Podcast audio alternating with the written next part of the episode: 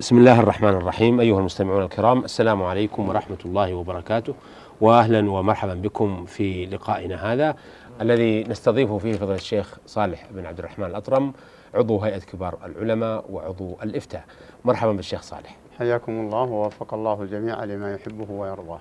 أه الشيخ صالح عرفنا كلمة التوحيد وهي لا إله إلا الله في دروس مضت وعرفنا أهميتها وأيضا وما دلت عليه وجملة مما يناقضها. أليس هناك آه، شروط تثبت آه، تحققها عند من نطق بها؟ بسم الله الرحمن الرحيم. الحمد لله رب العالمين. والصلاة والسلام على نبينا محمد وعلى آله وصحبه أجمعين. آه، مما لا شك فيه أن كل أمر له أركان وله شروط. يتم بإكمالها وينقص بنقصها. فأركان هذه الكلمة العظيمة النفي والإثبات. لا إله إلا الله. قد تقدم هذا. نعم. وأما الشروط التي يتحقق المقصود إذا توفرت فنعم لها شروط. لها شروط. إذا تخلف شرط منها لم تنفع صاحبها. وإذا توفرت فإنها تقع موقعها وتنفع صاحبها في الدنيا والآخرة ويتم إيمانه وتصديقه وتوحيده. ويدخل تحت الحديث من مات وهو يقول لا إله إلا الله دخل الجنة. نعم. هذه الشروط منها العلم. والعلم ضده الجهل. والمقصود بالعلم أي العلم بمعناها وأحكامها وما تقتضيه. لا إله إلا الله. فحينئذ لو قالها وهو يجهل معناها فإنها لا تنفعه. لأنه ربما يأتي بما يناقضها وهو ينطق بها.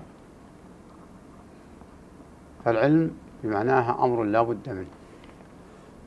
لقوله تعالى إلا من شهد بالحق وهم يعلمون.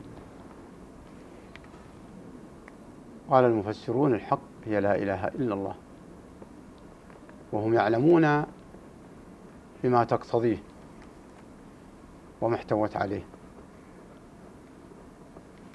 وقوله تعالى شهد الله أنه لا إله إلا هو الملائكة وأولي العلم. قائما بالقسط لا إله إلا هو العزيز الحكيم. فدلت هذه الآية على أن العالمين بها هم مقبول الشهادة هم الذين تقبل شهادتهم في صف الملائكة. فخرج من جهلها وجهل معناها. فإنهم فإن من جهل الشيء لا يشهد به. نعم. وقال تعالى فاعلم أنه لا إله إلا الله واستغفر لذنبك. فقال فاعلم. ومعلوم أن كلمة فاعلم أي اعلم بما تقتضيه هذه الكلمة واحذر من الجهل بها. وقال تعالى بسم الله الرحمن الرحيم والعصر إن الإنسان لفي خسر إلا الذين آمنوا وعملوا الصالحات وتواصوا بالحق وتواصوا بالصبر. فقدم صفة العلم آمنوا أي علموا قبل العمل. فدل على أن العمل بلا علم لا ينفع ولا يكون صالحا إلا بعد العلم. لأن الله قال آمنوا وعملوا الصالحات. وتواصوا بالحق. طبعا هذا عمل التواصي بالحق. فلا بد من أن يسبقه العلم. وتواصوا بالصبر. صفة أخرى. عمل لا بد أن يسبقه العلم.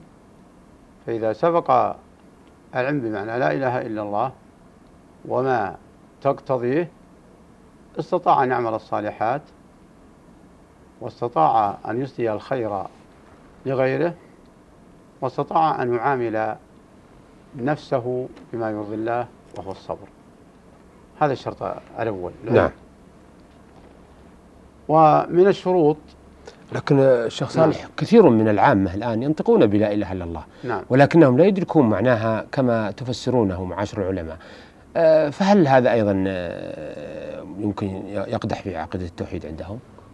آه، من نطق بلا إله إلا الله وجاء بما ينافيها فإنها لا تنفعه وكونه جاهل لا يعذر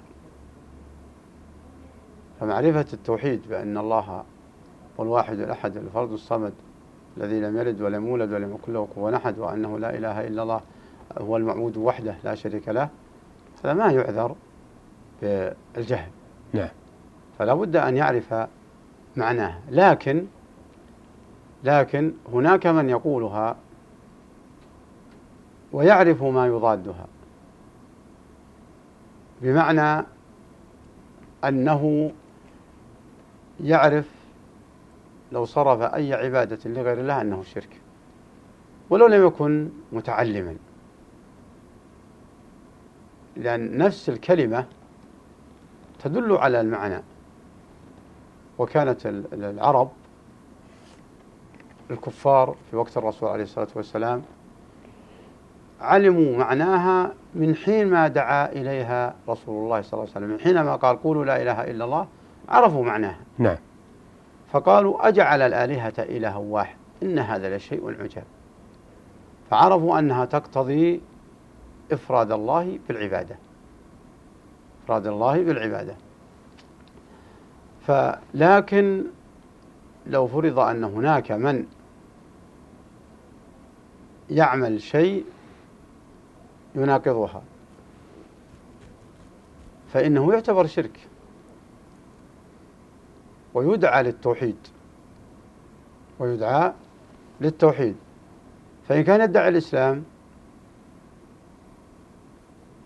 فإنه يدعي بأن ما جاء به أو ما ما عمله وسيلة لتحقيق الإسلام. فهو جهل ما عمله. جهل ما عمله.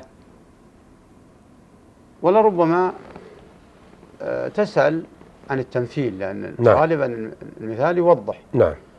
مثل بعض عوام الآن المجتمعات الإسلامية تجده ينادي ويستغيث بالغائب أو بالأموات ويقول أنه يشفع له عند الله. هذا هذا هذا زعمه. لكن هذا لا تقره الشريعة. فلا ي... فهو يعلم أنها تقتضي وحدانية الله لكن جهل التحقيق. فمن معناها أنه أن يطلب الله وأن يستغيث به مباشرة لا يجعل واسطة بينه وبين الله. فلهذا تجد الجاهل أو بعض المتعلمين الذين يعطون الجهلة مرادهم وغا و و وما يهوون فيؤولون هذا يقول هذه شفاعة. نعم. شفاعة. نريد يشفع لنا وليست عبادة وليست استغاثة. وما عرفوا وما عرفوا حقيقة الشفاعة. فإن حقيقة الشفاعة. غير هذا فالشفاعة في القرآن جاءت منفية وجاءت مثبتة وجاءت مثبتة. مثبتة. فالمنفية التي تطلب من غير الله مطلقة. هذا منفية نفاها القرآن. والمثبتة التي بإذن الله. من الذي يشفع عنده إلا بإذنه. فهي تطلب من الله أن يشفع في الطالب الأنبياء والصالحين والأفراد والملائكة. فإذا أردت الشفاعة الحقيقية فقل يا رب شفع في نبيك.